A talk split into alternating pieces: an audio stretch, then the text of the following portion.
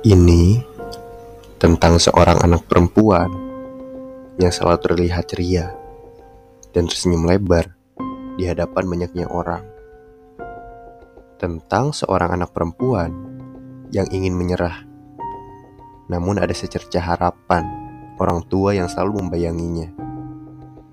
Tentang seorang anak perempuan yang harus menepati janji pada dirinya sendiri untuk sukses dan mengangkat derajat keluarganya. Tentang seorang anak perempuan yang selalu menangis di malam hari, tatkala memikirkan ke mana arah kehidupannya dan apa yang harus dilakukannya untuk sebuah kesuksesan.